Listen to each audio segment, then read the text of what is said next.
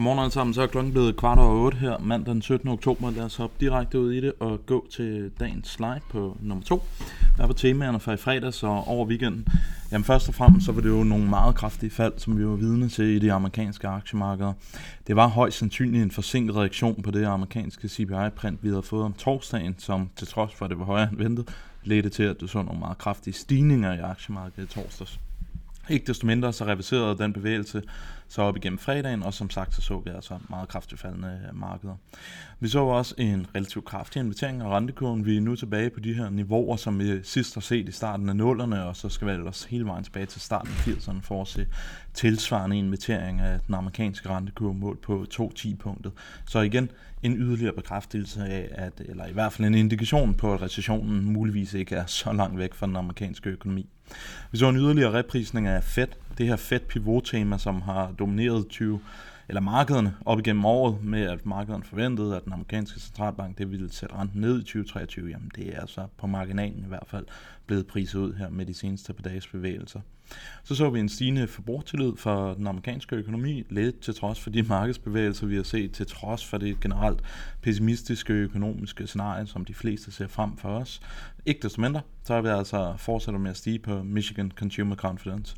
Endelig, så er det også værd at bemærke sig, at inflationsforventningerne netop i Michigan Consumer Confidence, de begynder også at bevæge sig nordpå, og alt andet lige, så er det altså negativt i takt med, at det lægger yderligere isoleret pres på den amerikanske centralbank. Hopper vi til slide nummer 3, jamen der viser udviklingen i, eller afkastene for de forskellige faktorer i fredags, og det var vi vidne til, at det var faktisk et relativt defensivt marked. Vi så, at defensive aktier de outperformede de cykliske aktier, vi så, at low vol faktoren den også outperformede, og så så vi, at de at growth aktier, det relativt kraftige underperformede value i takt med, at vi så den her opgående bevægelse i rentemarkederne. Så generelt set var det en relativt kraftig defensiv rotation, som vi var vidne til i fredags. Hopper vi til slide nummer 4, jamen der viser udviklingen i konsensusestimatet for den amerikanske BNP-vækst, både opgjort for 2022 og for 2023. Og ser man bort for det her meget, meget lille blip, som man ser for 2022, jamen så synes jeg, at den generelle tendens, det er bare nedrevideringer til 2023-væksten. Konsensus ser nu en amerikansk BNP-vækst på 0,5 for 2023, så vi er altså ikke lang vej for at komme ned i i outright negativt territorie, og det bekræfter altså bare det her generelle, meget, meget kraftige negative vækstbillede, som vi ser i øjeblikket. Hopper vi til slide nummer 8, jamen der viser Michigan Consumer Confidence, og som I kan se, så fortsat vi med at stige. Vi ligger på 59,8 for indekset, og det er altså relativt meget højere end det niveau, som vi så i juni måned i år. Vi er altså stadigvæk på et niveau, øh, dog kun omkring de niveauer, som vi bundet, i, bundet ud i op igennem 2008. Så igen, det er svært at være rigtig optimistisk, men retningen den er der alt andet lige opadgående. Ser vi på slide nummer 6, må det være, jamen der kan vi se, inflationsforventninger, inflationsforventningerne de begynder at bevæge sig opad. Både den årlige, det er den, jeg har øh, nederst, og så den øh, 5-årige, 5-10-årige inflationsforventning, den er altså steget til 2,9. Nu skal man altså ikke lægge alt for meget i det med sådan en enkelt nøgletal, som begynder at vise det her, men ikke desto mindre, så er det ikke det, som den amerikanske centralbank ønsker at se. Det de ønsker at se, jamen det er en stabilisering i inflationsforventninger blandt forbrugerne, således vi ikke får sådan en inflationsspiral, der kan drille markederne.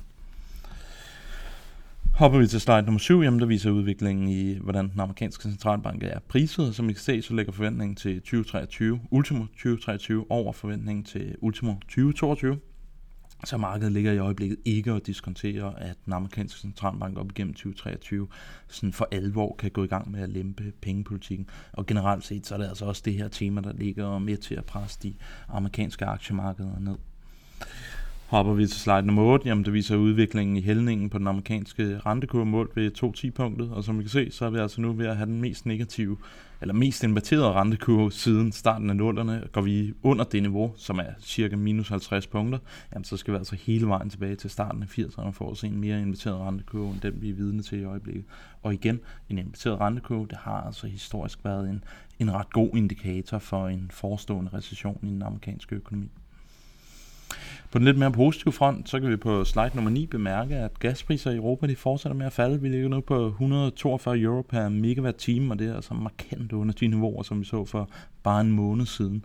I en historisk kontekst, så er det jo stadigvæk meget, meget høje niveauer, men det fjerner altså alt andet lige lidt af det pres, der har været på den europæiske økonomi over de seneste par måneder. Og endelig, som en lidt kuriositet, så kan vi bemærke, at Putins approval rating, hvor end man, øh, man skal nok være varsom med at tolke de tal, ikke desto mindre, så kan man bemærke, at den altså langsomt er begyndt at, at falde. Og det kan man jo spekulere lidt i, om det skyldes den her modvind, der har været på øh, krigssituationen set fra en, en russisk side. Slide nummer 11. Uh, her for morgenstunden, det er lidt blandet markeder, som vi er vidne til. Vi ser, at asiatiske aktier falder relativt kraftigt, med amerikanske aktiefutures ligger faktisk svagt i plus. Senest jeg så på det, var det 0,4% oppe. Så får vi Empire Manufacturing i dag. Fokus det kommer sandsynligvis til at være på England og finanspolitik. Nu skal Hunt, den nye finansminister, ud og give sin øh, vurdering af øh, udsigterne for den engelske pengepol- eller finanspolitik, så det bliver spændende at, følge den bevægelse. Og endelig så er vi altså inde i en uge med en del regnskaber. Og så har jeg fået et spørgsmål, som jeg lige skal låse op her. Har I nogen idé om, hvorfor guldpriserne går sydpå? Kan det tænkes, det vender, det plejer at vende under kriser, eller kommer det først senere? Hvad kan udløse en stigning? Jeg har faktisk ikke den helt store øh, øh kvalificerede holdning til, til guldpriser, så den, øh, der kan, må jeg være svar skyldig. Men vi har fået et svar i det næste spørgsmål, og det er fordi, at, at guld ikke er rentebærende. Øh, at det kan, det kan være en forklaring. Øh, men igen, jeg, skal være, jeg er meget varsom med at udtale mig alt for meget omkring øh, guldprisen i hvert fald. Med disse ord, så ønsker jeg jer alle sammen en, en rigtig, rigtig god uge, og vi høres ved i morgen.